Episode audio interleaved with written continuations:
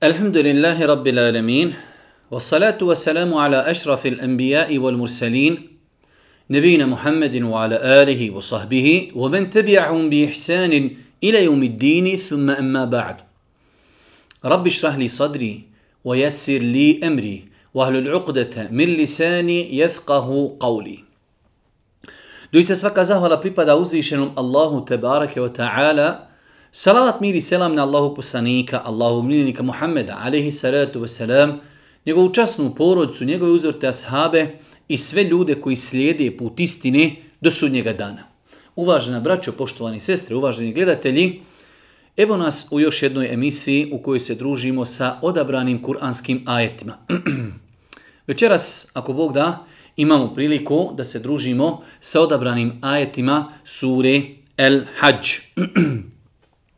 Mi smo više puta govorili da je cilj ovakvih predavanja da jednostavno ljudima približimo kuransku poruku.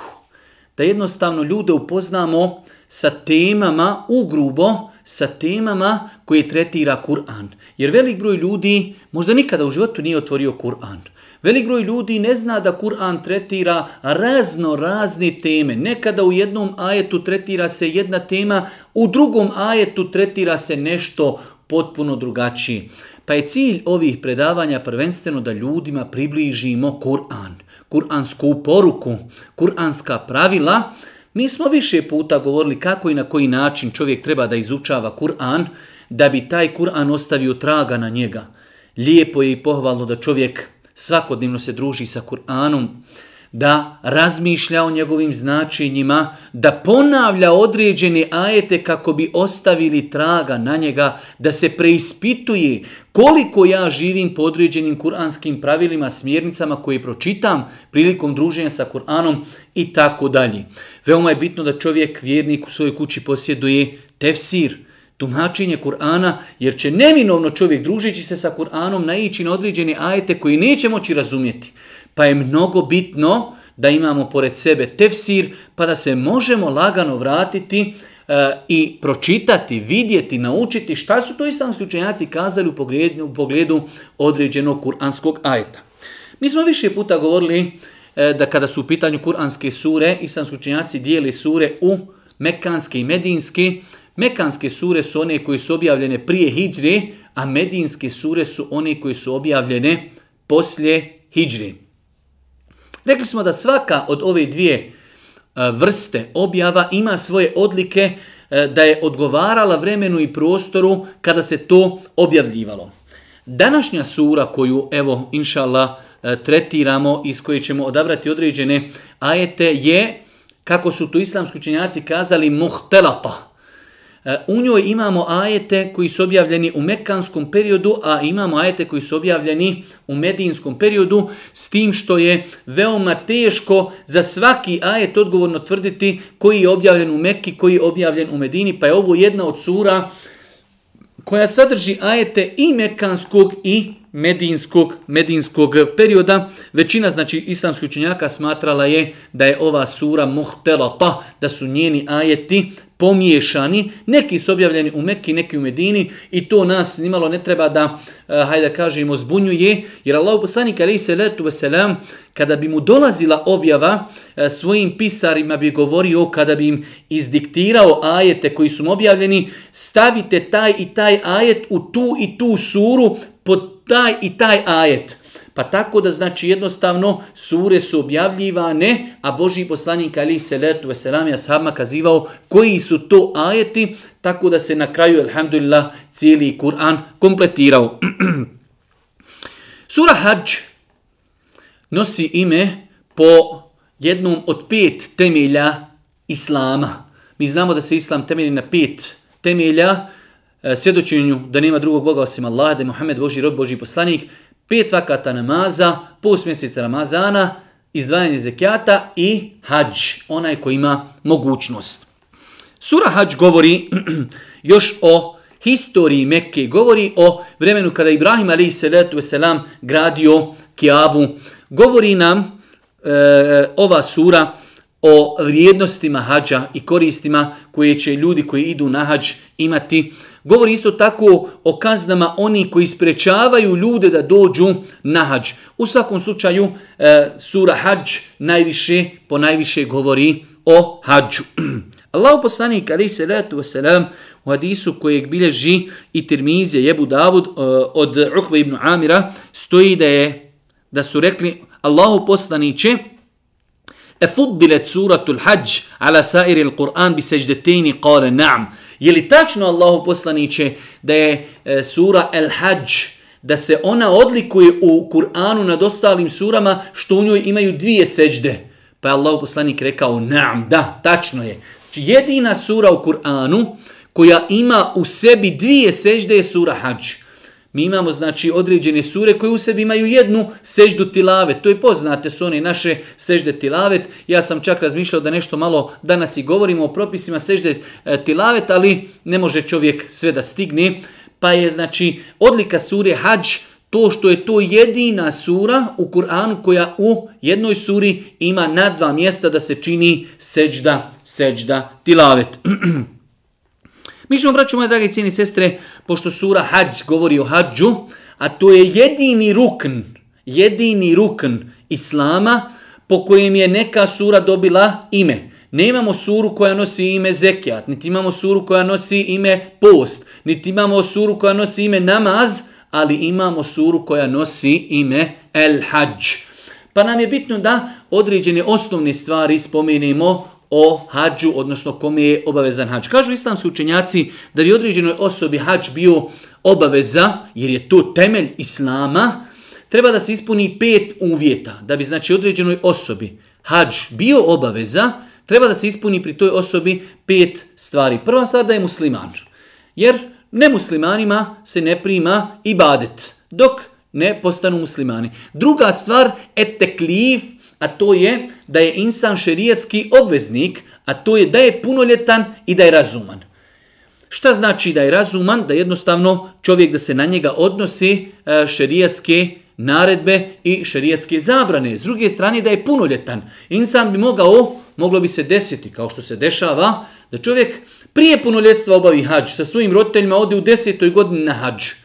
On ima nagradu za hađ i njegovi roditelji imaju nagradu, ali taj hađ nije dovoljan za njegov hađ islama, taj hađ islama koji je rukn, već insan kada postane punoljetan, ponovo mora obaviti još jedan hađ.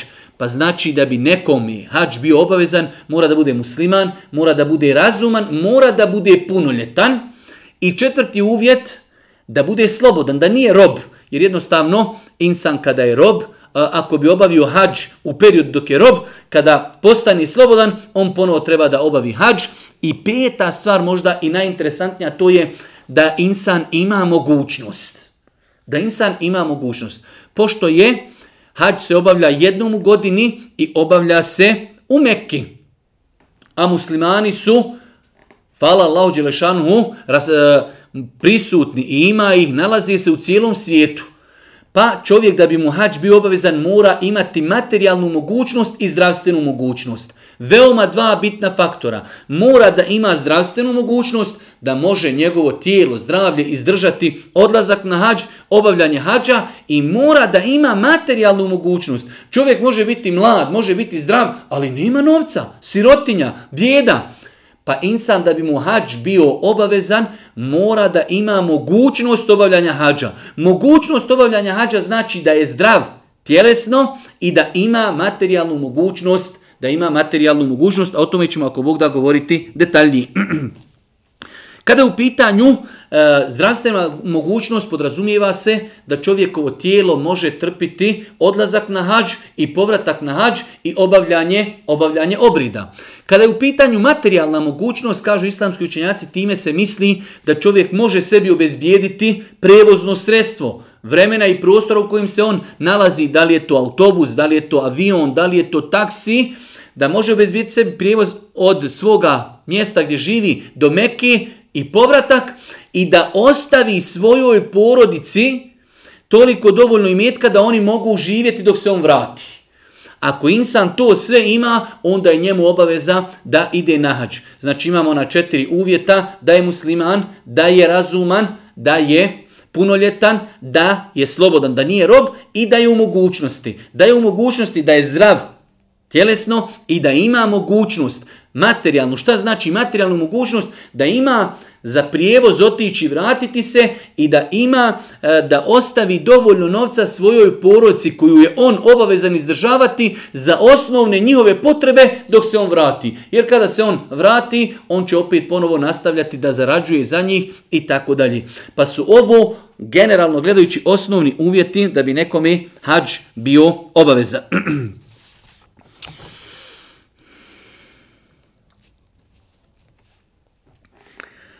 Samim tim možemo zaključiti ako bi čovjek bio zdrav, ako bi bio zdrav, a nema novca, njemu nije obaveza da ide na hađ. Obrnuto, imamo drugu situaciju, čovjek ima novca, ali nije zdrav. Da li je takvoj osobi obaveza hađ? Rekli smo, ako nije zdrav, nije mu obaveza. Ali šta ćemo uraditi? E, bolesti se dijele u dvije kategorije. Imamo bolesti koji su privremenog karaktera. Primjer radi ove godine ljudi idu na hađ, čovjek je slomio nogu. U redu.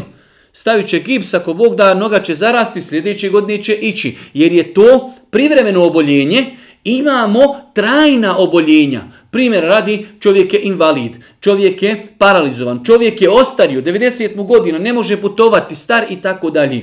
Pa kada su u pitanju e, osobe koje imaju materiju, imaju novac, ali ne mogu zbog zdravstveni e, razloga ići na hađ, ali trajno, takve osobe još za svoga života mogu poslati nekoga da za njih obavi hađ ili da se to uradi nakon njihove smrti. Ali generalno gledajući čovjek ako je zdravstveno u mogućnosti, a nije novčano, nije mu obaveza. Obrnuto, ako ima novca, a nije zdravljem dobar, gledamo u insana. Ako je njegova bolest privremena, kažemo u redu, čekat ćemo da ozdravi, pa nek ide sljedeće godine. Ako je čovjekova bolest trajna, e, paralizovan čovjek, invalid čovjek, ne može jednostavno, Allah najbolje zna i nikada se neće izliječiti, takav insan će onda poslati nekoga ko će za njega obaviti hađ, a takva se osoba zove bedel ili zamjena za nekoga na hađu. Isto tako, islamski učinjaci su spomenuli, kad su u pitanju žene, da bi ženama bio obavezan hađ, treba da žena ima e, mahrema koji će ići sa njom muškarac.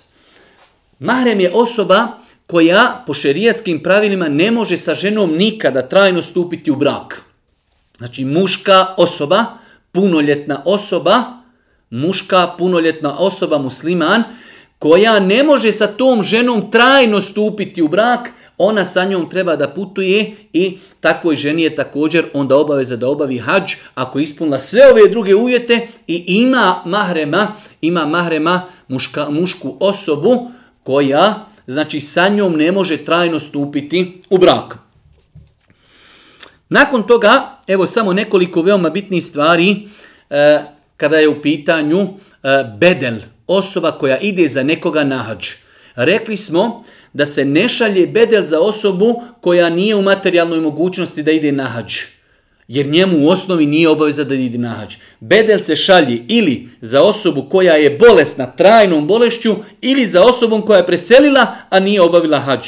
To je prva stvar. Druga stvar jeste da osoba da bi bila bedel, da bi za nekog obavljala hađ, treba da je prije toga za sebe obavila hađ.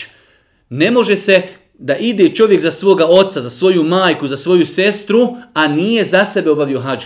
Jedne godine ide za sebe da obavi hađ islama, nakon toga druge godine ili nekada da ide da obavi hađ za nekoga kao zamjena bedel.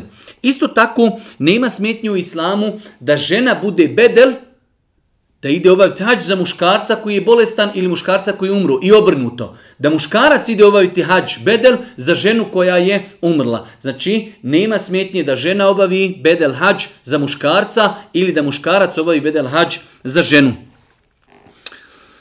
Ako se desi da insan umri, a nije otišao na hađ, a imao je uvjete, kažu islamski učenjaci, prije nego što se podijeli njegov miraz, izdajaju se stvari iz njegove, e, iz njegove imovine za dženazu, za dugove, za vasijet i za hađ.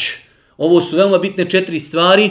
Znači, kada insan umri, ne počinje se dijeliti njegov imetak nasljednicima dok se ne zaklope ove četiri stvari. Prva stvar, da se opremi dženaza iz njegovog novca. Druga stvar, dugovi. Treća stvar, ono što je ono poručio, kaže, kada ja umrem, 100.000, 10.000, 1.000 maraka dadnite tom i tom. I četvrta stvar, ako nije išao na hađ, da se iz njegove e, ostavštini uzmu pare i da se pošalje neko ko će ići za njega na hađ. To su znači veoma bitne četiri stvari koje se uzimaju iz čovjekovog nasljedstva prije nego što se ono počne dijeliti. Još jednom ponavljamo, oprimanje dženaze, dugovi, oporuka i novac za hađ, da se uplati za njega, da neko za njega obavi hađ.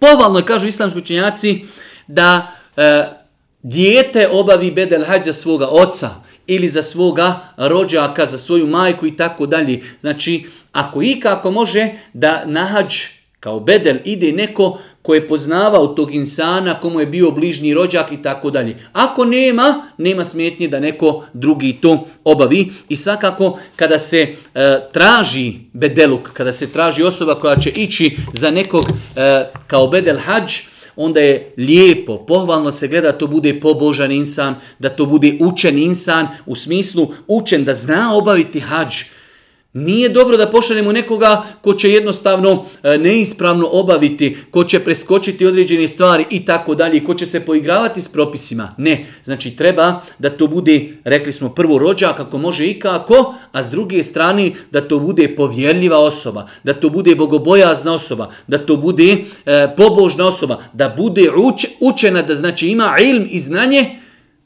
zbog kojeg će ispravno obaviti, ispravno obaviti hač. Evo, braćuma, dragi cijeni sestre, nakon jednog malo dužeg uvoda, e, za kojih sam ja smatrao da je e, lijepo da znamo ove osnovne stvari vezane za obaveznu sađa, počinjemo ako Bog da sa komentarisanjem e, odabranih ajeta i sure hađ. Na samom početku uzvišnji Allah subhanahu wa ta'ala govori u suri hađ o sudnjem danu. Pa kaže uzvišeni Allah, Ja ejuhan nasu teku rabbekum, inne zelzelete saati še'un azim. O ljudi, gospodara svoga se bojte. Zaista će potres kada smak svijeta nastupi veliki događaj biti.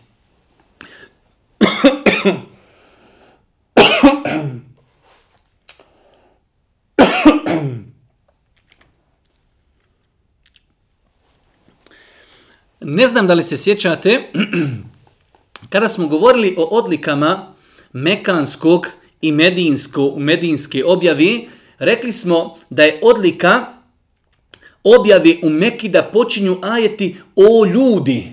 Za razliku od objave u Medini, ajeti u većini slučajeva počinju o vi koji vjerujete. Pa jedan od dokaza da u ovoj suri El Hajj imamo mekanske ajete, jesu ajeti koji počinju riječima o ljudi. S druge strane, vidimo da se govori o sudnjem danu, što je opet odlika objave u Mekki. Pa kaže uzvišeni Allah, o ljudi, gospodara svoga se bojte. Bojati gospodara se znači da čovjek radi ono što je naređeno, da ostavlja ono što je zabranjeno. Da između sebe i Allahove kazni stavi prijegradu, prijegradu čega? Pokornosti, ibadeta, ostavljanja grijeha. O ljudi, bojte se Allaha, zaista će potres, kada smak svijeta nastupi, veliki događaj biti. Iza zulziletil ardu zilzaleha, kada se zemlja svojim potresom potrese, wa ahrađetil ardu ethqaleha, i zemlja počne izbacivati svoje terete, wa kale li insanu ma leha, insan će reći, Šta joj je? Što se trijese? Sudnji dan nastupa pa kaže uzvišeni Allah, o ljudi, bojte se Allaha, doista potris. Sudnjeg dana to će biti nešto veliko, nešto teško. Da vidimo koliko će to biti teško, pa kaže uzvišeni Allah, na dan kada ga doživite, svaka dojilja će ono što doji zaboraviti, a svaka trudnica će svoj plod pobaciti i ti ćeš vidjeti ljude pijane, a oni neće pijani biti, već će tako izgledati zato što će Allahova kazna strašna biti. Allahu ekber. Pokušajte zamisliti toliko strašnu stvar da dojilja zaboravi svoje dijete koje doji. Žena trudnica pobacila svoje dijete. Znate kako se na Dunjalku desi, kaže, ženu nešto ustrašilo, sikirancija, stres i pobacila. وَتَرَ النَّاسَ سُكَارَ Vidjet ćeš ljude pjane. Nisu, kaže oni, pjani, već je Allahova kazna žestoka. Allahu ekber. Insan vjernik treba da vjeruje u sudnji dan.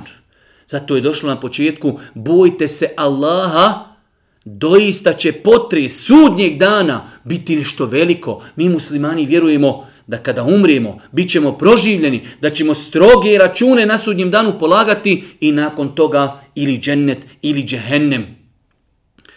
Kaže, ljudi će se teturati kao da su pjani. Zašto?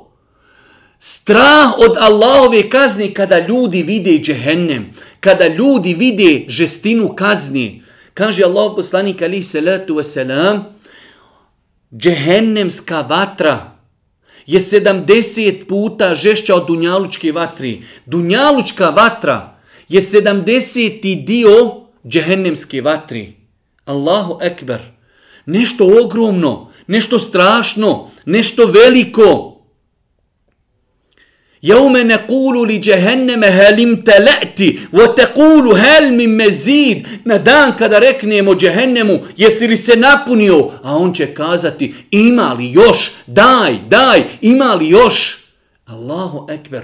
Gdje će ljudi goriti, gdje će ljudi biti kažnjavani, jer nisu vjerovali u Allaha i nisu bili pokorni. Pa ovi ajeti, prva dva ajeta iz suri Hajj, na jedan, na jedan e, slikovit način pojašnjavaju težinu sudnjeg dana.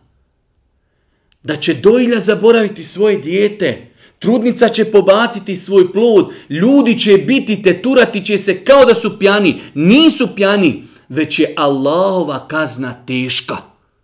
Već je Allahova kazna teška.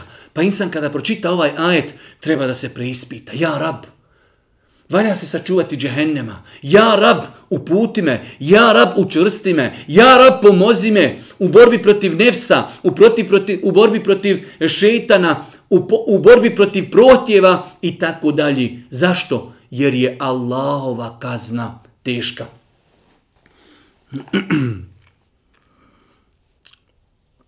Nakon toga, u šestom i sedmom ajetu, uzviši Allah s.w.t. nakon ova prva dva ajeta, govori u ajetima kako je stvoren čovjek i kako prolazi kroz to svoje stvaranje, kroz različite etape. Od samog, znači, začeća, kako čovjek prolazi kroz različite etape do te mjere da se rađa, da umire i tako dalje. Nakon toga, kaže uzvišeni Allah subhanu wa ta'ala, ذَلِكَ بِأَنَّ اللَّهَ هُوَ الْحَقِّ وَأَنَّهُ يُحْيِ الْمَوْتَ وَأَنَّهُ عَلَى كُلِّ شَيْءٍ قَدِيرٌ Zato što Allah je istina, el haq, Allah je istina. I zato što on kadar je mrtve oživiti i što on sve može. Allahu ekber. Allah je haq, istina. Allah može oživjeti mrtve i Allah je ala kulli shay'in qadir. Allah je sve mogući. I što će čas oživljenja, u to nema sumnje doći i što će Allah one u grobovima oživjeti. Allah Žešanu ovdje spominje tri stvari. Ennehul haq, da je on istina. Allah postoji. Allah je stvoritelj zemlje i nebesa. Allah ima lijepa imena i svojstva. On je jedino istinsko božanstvo koji zaslužuje da mu se robuje. Kaže uzvišeni Allah, zalike bi enna Allahe huwal haqqo. Zato što je on istina, zato što on postoji, zato što on jedini ima pravo da mu se robuje i zato što je on kadar, ima mogućnost da oživi mrtvi i on je sve mogući. Allahu ekber, samo kada bi čovjek razmišljao o činjenici koja se spominje u Kur'anu na dosta mjesta, ova fraza wa huwa ala wa annahu ala kulli shay'in qadir Allah je svemogući. Svemogući. Može stvoriti, može uništiti, može uputiti, može olakšati. Znači insan kada je svjestan činjenici da njegov gospodar je svemogući, kada želi nešto samo kaže budi i ono bude. Jesmo vidjeli u ajetima prethodnim kada smo govorili o Ibrahimu alaihi salatu wasalam, kada su se udružili protiv njega, čitav njegov narod, bacili ga u vatru. Mi smo rekli vatri, kuni, berden, wasalamen, ala Ibrahim, budi hladna, spasonosna za Ibrahima. Samo Allah kaže, budi, i ono bude. Vidjet ćemo danas kroz ajete, Allahu je pokorno i seždu mu čini i zemlja i nebesa i oni koji su na zemlji i na nebesima i sunce i zemlja. Sve je Allahu pokorno. Kun, feje kun, budi i ono bude. Zato, brate moj dragi cina sestro, nauči ovaj ajet i živi u rahatluku. Wa ennehu ala kulli še'in qadir. Allah je sve imaš problem sa komšijom, sa prijateljem, sa mužem, sa suprugom, sa djetetom, sa zdravljem, sa šefom, ma imam ja gospodara Allaha subhanu wa ta'ala koji je sve mogući, koji to sve može vra, e, i riješiti i popraviti i e, olakšati. Srca ljudi su u Allahovim rukama. Insan danas može da te mrzi najviše na planeti, da mu se srce preko noći okreni Da te sutra voli više nego bilo koga drugog. Jer su srca u rukama uzvišenog Allaha. Oni okreće kako on subhanahu wa ta'ala želi i hoće.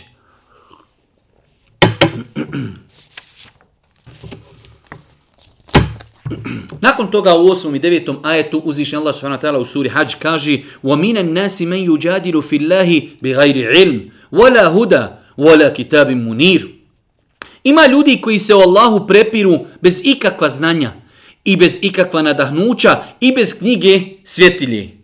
Hodeći nadmeno da bi s Allahova puta odračali. Njih na ovom svijetu čeka poniženje, a na onom svijetu daćemo im da iskuse patnju u ognju. Allahu ekber. Allahu ekber.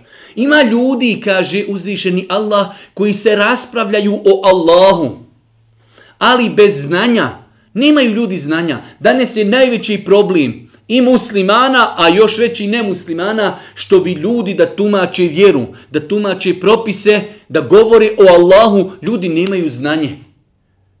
Dođu ljudi, evo putem ovih društvenih mreža, koji su otvorene za sve, dođu nemuslimani koji slušaju naša izlaganja, slušaju kako, kakva je percepcija svatanja vjere u islamu, ko je Bog, koje je božanstvo, šta su poslanici koji je slao i onda ljudi zato što su odrasli u nekom drugom podneblju gdje se drugačije vjeruje, samo počnu psovat, počnu vrijeđat i tako dalje. U redu, hoćemo razgovarati vojrom, da razgovaramo čime? Dokazima, racionalnim, ali isto tako i znači e, drugim vrstama dokaza.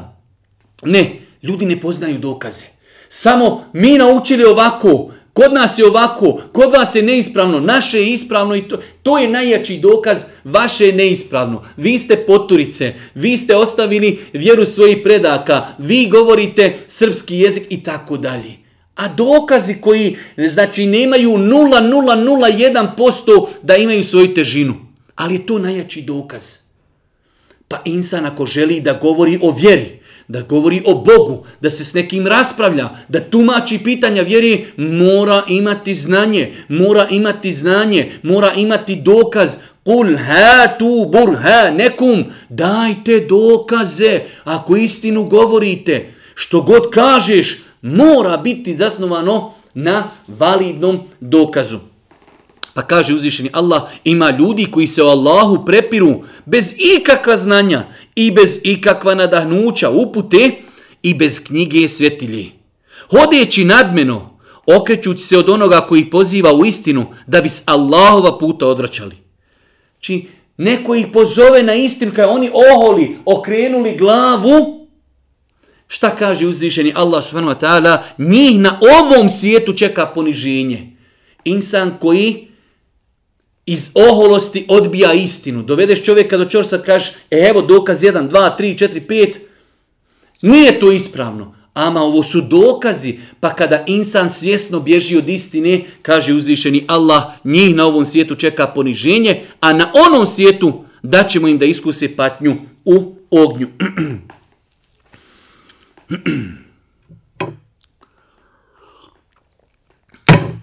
Nakon toga, u 11. ajetu suri Kaže uzvišeni Allah subhanahu wa ta'ala وَمِنَ النَّاسِ مَنْ يَعْبُدُ اللَّهَ عَلَى حَرْفٍ فَإِنْ أَصَابَهُ خَيْرٌ اطْمَأَنَّ بِهِ وَإِنْ أَصَابَتْهُ فِتْنَةٌ إِنْ قَلَبَ عَلَى وَجْهِهِ خَسِرَ الدُّنْيَا وَالْآخِرَةِ ذَلِكَ هُوَ الْخُسْرَانُ الْمُبِينُ Ima ljudi koji se Allahu klanjaju bez pravog uvjerenja.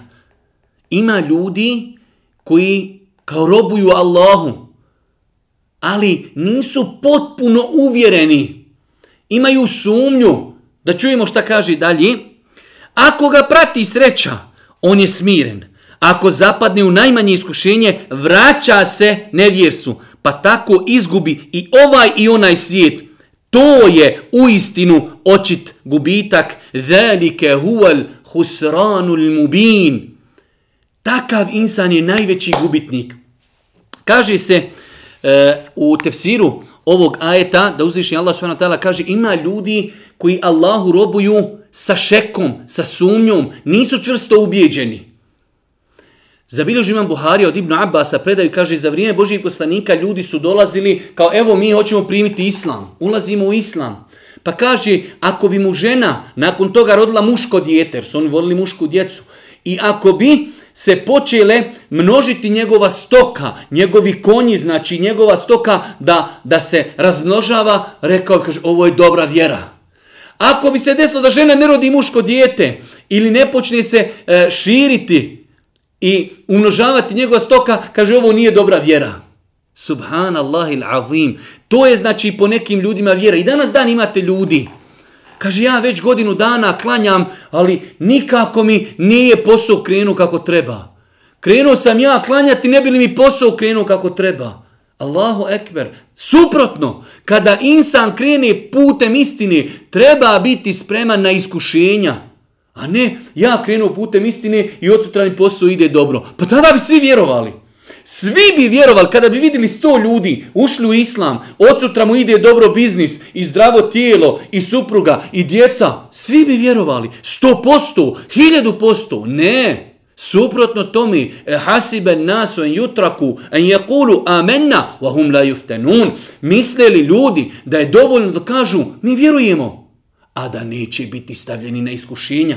Pa kaže uzvišeni Allah subhanahu wa ta'ala, وَمِنَ النَّاسِ مَنْ يَعْبُدُ اللَّهَ عَلَى حَرْفِ Ima ljudi koji se Allahu klanjaju i robuju mu, ali bez pravog uvjerenja. Oni su u sumnji.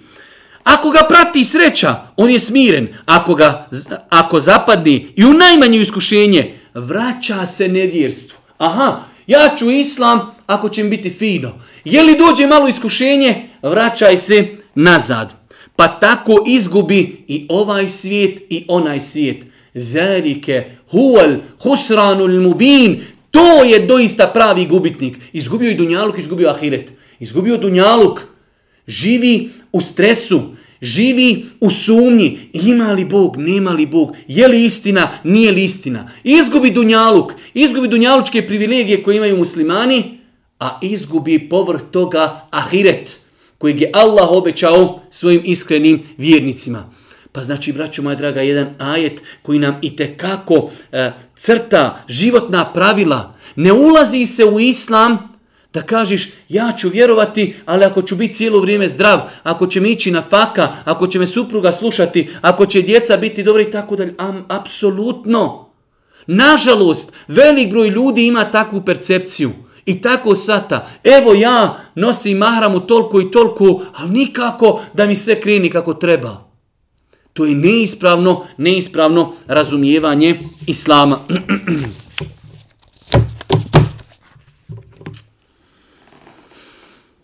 Nakon toga u 18. ajetu sure El Hajj kaže uzvišeni Allah subhanahu wa ta'ala Elem tara enne Allahe jesđudu lehu men fi semavati wa men fil ard wa šemsu wal qamar والنجوم والجبال والشجر والدواب وكثير من الناس وكثير حق عليه العذاب ومن يهن الله فما له من مكرم إن الله يفعل ما يشاء Zar ne znaš da se i oni na nebesima i oni na zemlji klanjaju Allahu? I sunce, i mjesec, i zvijezde, i planine, i drveće, i životinje, i mnogo ljudi. Mnogo ljudi se klanja Allahu Đelešanu, njemu robuje. Danas na planeti imamo milijardu i po ljudi koji robuju uzvišenom Allahu subhanu wa ta'ala.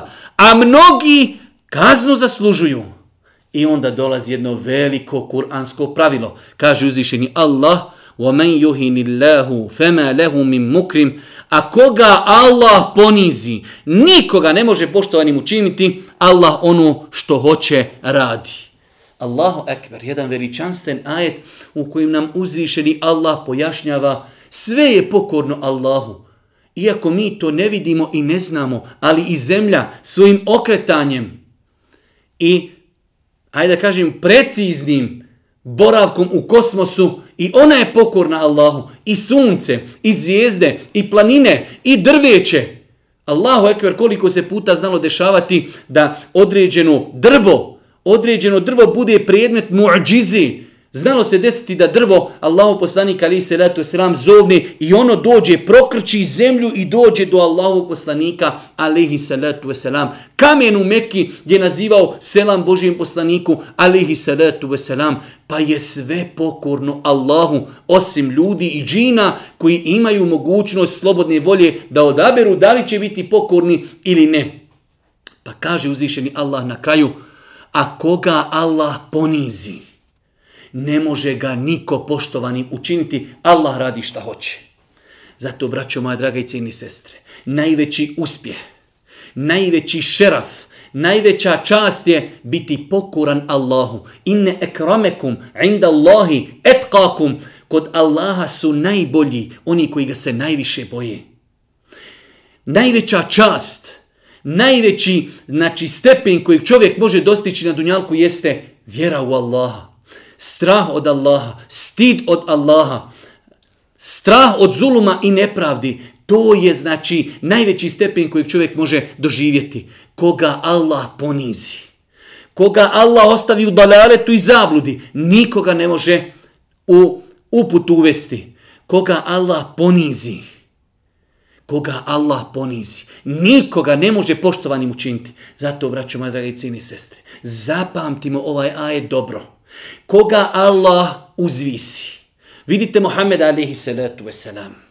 Nije poniženje da dođe neko da te psuje i uvrijedi. Apsolutno, to je sastavni dio iskušenja. Pogledajte nakon 1400 godina koliko ljudi dnevno spomeni Muhammed alihi salatu wasalam kroz hadise, kroz namaze, kroz salavate. Koliko ljudi dnevno uzme i uči Kur'an. Allahu ekber. Lekad enzelna ilaikum kitaben fihi zikrukum. Mi vam objavljujemo knjigu u kojoj je slava vaša.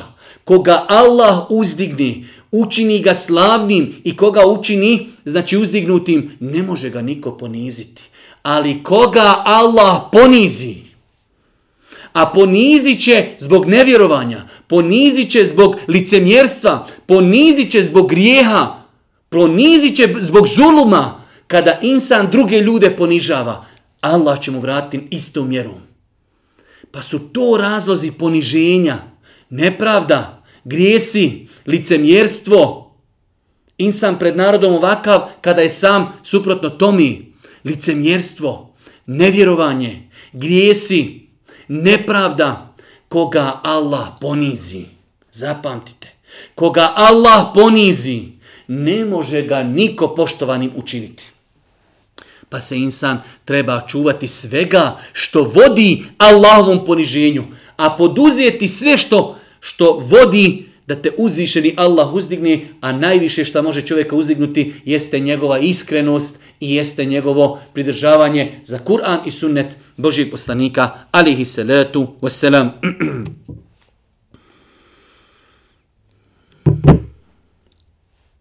Nakon toga uzvišeni Allah s.w.t. u suri El Hajj od 19. do 23. ajeta govori nam malo E, ciljno sam želio, pošto nismo skoro o tome nikako govorili, opis ljudi i patnje u džehennemu. Pa kaže uzvišeni Allah, hezeni hasmani htasamu fi rabbihim. Ova dva protivnička tabora sporije se oko gospodara svoga. Nevjernici i vjernici se spori o svome gospodaru i tako će ostati do sudnjeg dana, iako mnogi mu Fesiri kažu da je ovaj ajet objavljen povodom povodom dvoboja koji se desio prije bitke na Bedru, trojica muslimana s jedne strane i trojica ljudi s druge strane, prije prve bitke u islamu podigle se znači sablje e, između muslimana i nemuslimana, pa kaže uzvišeni Allah, ova dva protivnička tabora spore se oko gospodara svoga. Slušajte sada, onima koji ne budu vjerovali, bit će odijela od dva, tri skrojena. Allahu ekber. Odijelo od dva, tri skrojena. Ima li još? Ima i tekako.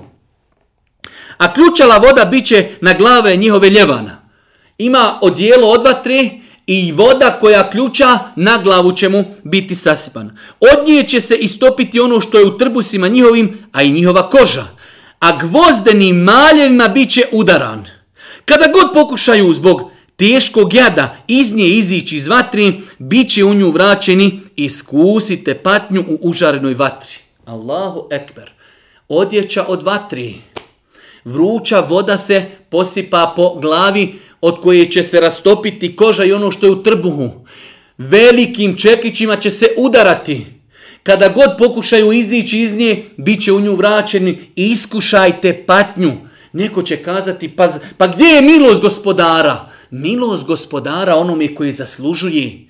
O robe, zar ti nisu došli poslanici? O robe, zar nisi imao knjige? O robe, zar nisi imao razum da shvatiš istinu? Sve to poricao si. Zato su kazali islamski učenjaci. Zašto će nevjernici ostati vječno u džehennemu? A zašto će vjernici ostati vječno u džennetu? Zato što su i jedni i drugi imali namjeru. Kada bi ostao živjeti koliko, ja ću takav ostati. Pa po namjeri, zato što je želio nevjernik da ostane vječno nevjernik, ostaće zbog toga vječno u patnji. A vjernik kaže, ja kad bi živio 150 godina, ja ću živjeti ko musliman. Pa ga Allah nagrađuje da će zbog toga ostati vječno u džennetu. Još jednom poslušajmo patnju u džehennemu. Jedna samo od vrsti patnji. Onima koji ne budu vjerovali, bit će od dijela od vatre skrojena a ključala voda bit će na glave, na glave njihove li, ljevana. Od nje će se istopiti ono što je u trbusima njihovim i koža, a gvozdenim maljevima bit će udarani. Kad god pokušaju zbog teškog jada iz nje izići, bit će u nju vraćeni. Iskušajte patnju u užasnoj vatri. To je jedna strana. Jedni se pati, jer su tako zaslužili. Da vidimo druge. Odmah drugi ajet govori o blagodati. A oni koji budu vjerovali i dobra djela činili. Vjerovali? Je dovoljno samo reći ja vjerujem? I dobra djela činili. Namaz, post, zekijat, hađ, sadaka, ostavljanje grijeha koji budu vjerovali i dobra djela činili. Allah će sigurno uvesti u dženecke bašće, kroz koje će rijeke teći. U njima će se narukvicama od zlata i biserom kititi, a odjeća će im svilena biti. A, oni tamo rijeke, džennet, svila, biseri. Zašto? Jer su vjerovali. Vjerovali u poslanike, vjerovali u Kur'an, vjerovali u dokaze, živjeli po tomi, strpili se, saburali. Nagrada, uživanje u džennetskim, u džennetskim ljepotama.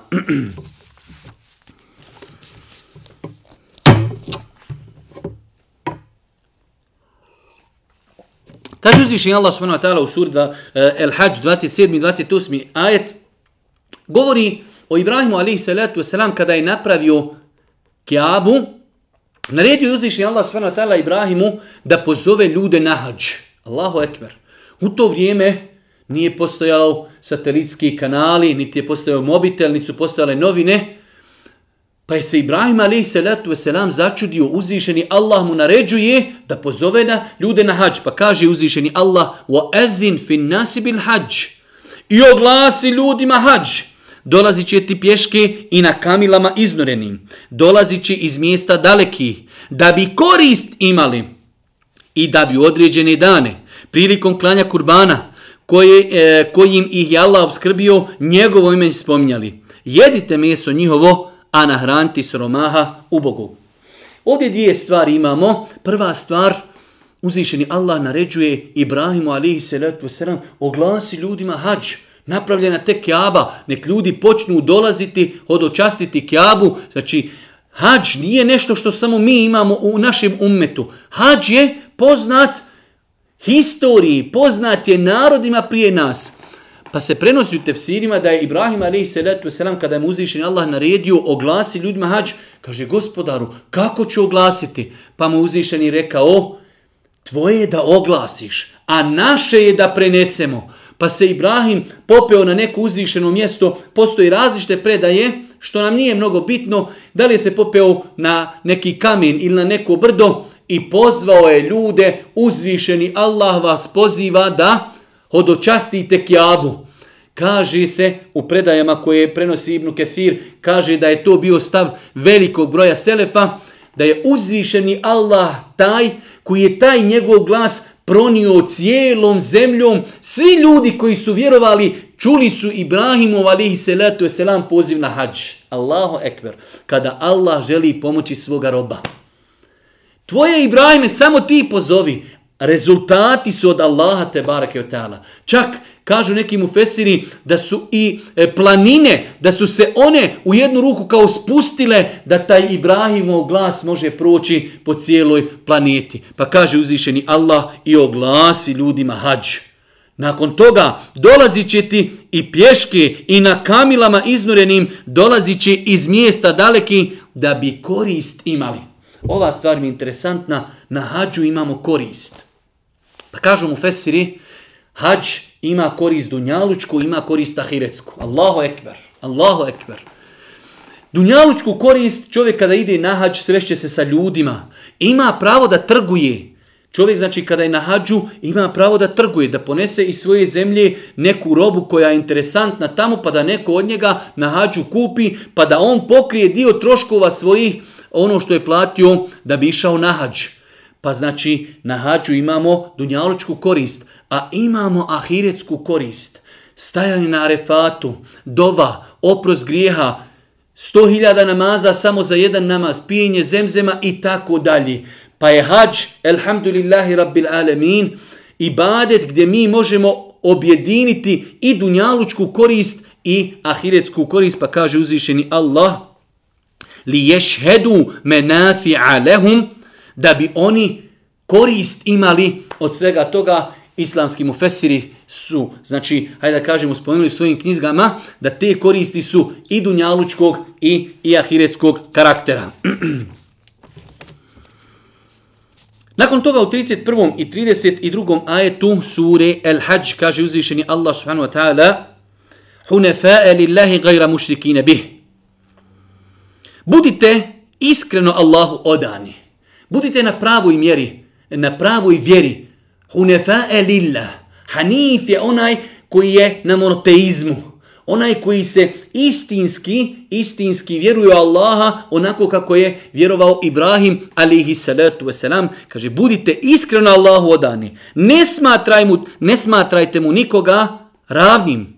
Poslušajte sada primjer kako Allah navodi primjer osobe koja čini širk. Kaže uzvišeni Allah, a onaj ko bude smatrao da Allah ima, a Allahu ima i koravan, bit će kao onaj koji je s neba pao i koga su ptice razgrabile. Allahu ekber. Primjer kaže onoga koji čini širk i smatra da ima Allah suparnika i da mu je neko ravan, je primjer insana koji je pao sa nebesa i ptice ga razgrabile. Allahu ekber. Čak kažu neki islamski učenjaci da se time misli kako je insan, kako je insan slabašan. Ne može sebi nikakvu korist pribaviti do te mjere kao kad insan kad pada. Pada, ništa, čeka samo kada će udariti od zemlju, a u svemu tome ga napadaju i kljucaju ga ptice. Primjer insana koji čini širk je primjer insana koji pada s neba i ptice ga kljuju. Allahu ekber. Pa kažu islamski učenjaci, primjer insana u ovom kontekstu je primjer insana koji čini širk je primjer insana koji se odalju od Allaha pa ga napadaju šeitani sa svih strana da se on ne može nikako odbraniti. Pa kaže na kraju o 32. ajet ذَلِكَ وَمَنْ يُعَظِّمْ شَعَائِرَ اللَّهِ فَإِنَّهَا مِنْ تَقْوَ الْقُلُوبِ Pa ko poštiva Allahove propise, to je znak. Znak je čestita njegova srca. Allahu ekber.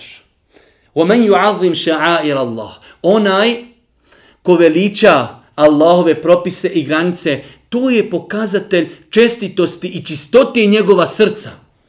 Zato, braću moja draga i cijeni sestre, ovaj ajet, jedan je od najvećih ajeta koji ukazuju na neispravnost oni naše teorije kada ljudi kažu moje srce je čisto, a u grijesima svakodnevno. Onaj ko poštuje Allahove granice, to je znak čistote njegova srca. Allahu ekber. Srce čisto mora poštovati Allahove granice. Zato kada vidite insana, kao što kažu islamski e, učenjaci, komentatori Kur'ana, kada vidiš čovjeka da poštuje Allahove granice. Znate, ljudi kada vidiš kako pazi na svaku riječ, pazi na izranu, pazi na odjeću, pazi na suprugu, pazi na halal e, obskrbu, pazi pa čuva Allahove granice do u najsitnije detalje. Znaj da je to pokazatelj čistote njegova srca. Obrnuto. Kada vidiš čovjeka čini grijehe, to nije ništa drugo do pokazatelj crnila njegovog srca. Allah poslani kaže u vjerodostojnom hadisu, u ljudskom tijelu ima jedan organ. Ako on bude dobar, sve će ostalo biti dobro. Ako on bude loš, sve ostalo će biti loše. Ela wahijel kalb, doista taj organ je ljudsko srce. Pa znači, braću moja draga, ovaj ajet, kaže uzvišeni Allah, velike wa men ju'azim sha'air Allah, fa inneha min taqwa al-qulub, onaj ko veliča Allahove granice, Allahove propise, čini ono što je naređeno, ostavlja ono što je zabranjeno, to je pokazatelj čistoti njegovog srca. Pa nemoj da se varamo, nemoj da sebe jedni druge lažimo, u mene je srce čisto a vidiš ga u kladionci, vidiš ga u alkoholu, neklanja i tako dalje. Laž. Laž apsolutna. Čisto srce mora polučiti rezultate pokornosti uzvišenom Allahu subhanahu wa ta'ala. Nakon toga uzvišen Allah subhanahu wa ta'ala u suri Al-Hajj 37. i 8. ajet kaže لَنْ يَنَالَ اللَّهَ لُحُومُهَا وَلَا دِمَاؤُهَا وَلَكِنْ يَنَالُهَا التَّقْوَى مِنْكُمْ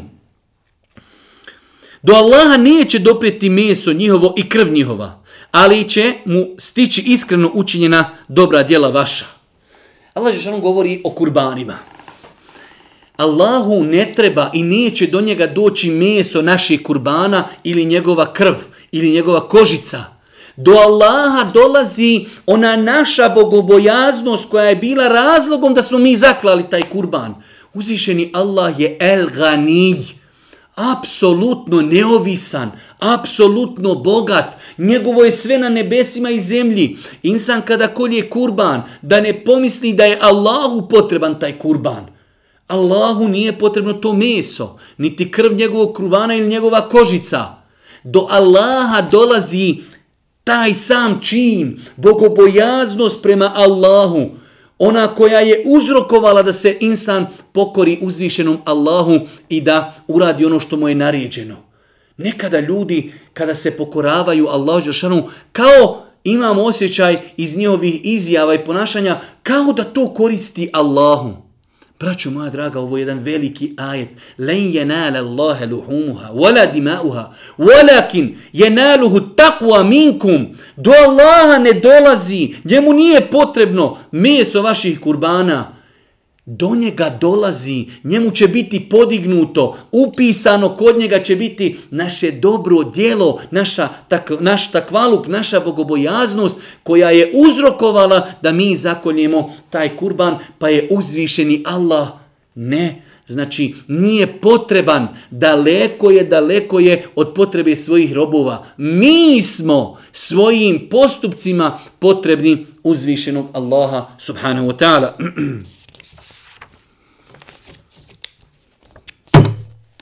Kaže uzvišen Allah u 60, 46. E, ajetu suri El Hajj, Efelem jesiru fil ardi fetekune lehum kulubu jaqilune biha. Zašto oni po svijetu ne putuju pa da srca njihova svati ono što trebaju svatiti i da uši njihove čuju ono što trebaju čuti, ali oči nisu slijepe, već srca u grudima. Allahu ekber. Opet jedno kuransko veliko pravilo, kaže uzvišeni Allah subhanahu wa ta'ala, فإنها لا تعمل الأبصار ولكن تعمل القلوب التي في الصدور nisu oči slijepe, već šta je slijepo? Slijepo je srce u ljudskim grudima. Allahu ekber, kaže Allah Žešanu, zašto oni ne putuju po svijetu? Pa da vide kako su uništavane civilizacije. Vidjeli ste danas kada počnu snimati one, uh, one arheološke emisije, ovdje je bila civilizacija, ovdje je bila civilizacija. Nema nikoga. Uništeno sve. Zašto kaže ne idu da se da se nagledaju dokaza Allahove moći i veličine, ali kaže nisu slijepa oči. Nisu zna... Slijepo je srce u grudima. Čovjek gleda svojim očima kako su uništeni narodi, čita historiju, ništa, jer to ne dolazi do njegovog srca. Imamo ljudi koji su slijepi, ne vidi, ali čuju riječ uzvišnog Allaha, pa za, za, njihovo srce zatreperi, njihove oči zasuzi, iako ne vidi. Zašto? Iman i uputa. Koliko je danas ljudi imaju oči, imaju uši, čuju šta se dešavalo u historiji, ali ne može istina doći do njihovog srca. Pa kaže uzvišeni Allah, ali oči nisu slijepe. Nisu slijepe oči. Slijepo je srce u njihovim grudima. Koliko je danas ljudi, muslimana, bošnjaka, nemoj to bolan, to je zabranjeno, to vodi u propast. Ne mogu, ne može doći do njega. Vidi on, čuje on, ne može doći do njegovog srca. Pa je mnogo bitno da pazimo na svoje srce, da pazimo da ga ne daj Bože ne zaprljamo, da ne daj Bože ne bude na njemu koprena koja će sprečavati dolazak istini do naših srca.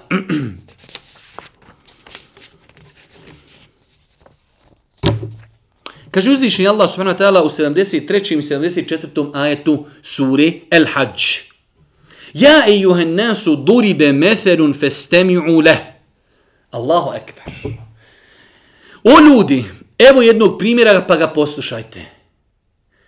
Ja ejuhan nas, opet uzvišeni Allah se obraća čovječanstvu, ne vjernicima samo, ne čovječanstvu. O čovječanstvo, evo jedan primjer, da ga poslušajte.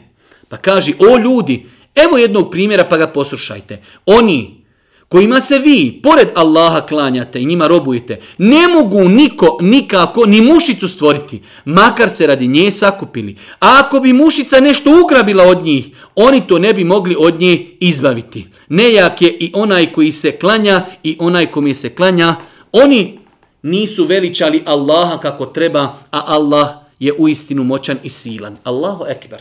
Allah je se obraća ljudima i kaže, eto ta vaša božanstva, mimo Allaha, ako, ako išta vrijedi, neka stvori jednu mušicu. Nije uzvišen Allah rekao neka stvori kosmos, neka stvori zemlju, nebesa, ne. Evo, neka stvori mušicu. Kaže i neka jedni drugima pomažu Neće moći to urati kada bi, kada bi jedni drugima pomagali. Ja ijuhan nas, duribe methelum, festem ju leh, inne ted'une min dunillahi len jehluku zubaba, walau iđteme leh. Oni kojima se vi, pored Allaha klanjate, ne mogu nikako, ni mušicu stvoriti, makar se radi nje sakupili. Svi, sva božanstva, mimo Allaha, da dođu da stvore mušicu. Kažu islamski učenjaci, Allah Đelešanhu navodi primjer mušice njima zbog sitnici. Evo, u redu, vaša božanstva, nek stvori mušicu. Nek zajedno stvaraju. Ne mogu. Len jahluku. Neće stvoriti. Još više da ih Allah ponizi, da im dokaže njihovu slabost. Kaže, a ta mušica, Jer su oni, kaže, znali na svoja prija božanstva ostavljati neke mirise, ostavljati hranu kod njih. Kaže, ako ta mušta nešto od njih uzela, ne mogu to oni sad od nje vratiti. Pogledajte čovjekove slabosti. Pogledajte slabosti onih za koji tvrdu da, tvrde da su božanstva. Ne mogu stvoriti mušicu. A koliko je Allahovih mušica na planeti. Da ne govorimo koliko je drugih stvorenja od ljudi, od ptica, od riba, od životinja. Evo, vaša božanstva, nek stvori jednu mušicu. Nek se svi udruže zajedno. I još više od toga. Ako bi ta mušica od njih nešto pojela, uzela, on to ne mogu vratiti. Allahu ekber. Zar ne osjeti insan koliko je slab? Ne može stvoriti zrno. Evo, zrno pšenici. Dajte nam najsavremeniju tehnologiju. Nek stvori je zrno pšenice. Da to zrno stavimo, nakon 15 dana proklijalo. Nemoguće. Nemoguće. Da ne govorim da ljudi stvori mušicu. Mušicu. Hajde, evo. Ne morate napraviti čovjeka. Ljudi hoće da napravi robota. Nemojte vi robota. Da nam napravite jednu mušicu. Zar ne može insan da svati koliko je slab, koliko je slabašan i koliko je velika njegova potreba za uzvišenim Allahom subhanahu wa ta'ala. I zadnja dva ajeta koja ćemo komentarisati u suri El Hajj 77. i 78. ajet kaže uzvišeni Allah Ja illadina amenu urke'u wasjudu wa'budu rabbekum waf'alu l'hajra la'allakum tuflihun o vjernici činite ruku i činite seđdu i namaz obavljajte. Wa'budu rabbekum i robujte svome gospodaru. Waf'alu l'hajra radite razno razne hajrate. Radite dobra djela. La'allakum tuflihun. Da biste postigli ono što želite. Znači činite ruku činite seđdu obavljajte namaz robujte Allahu radite dobra djela da biste postigli ono što želite.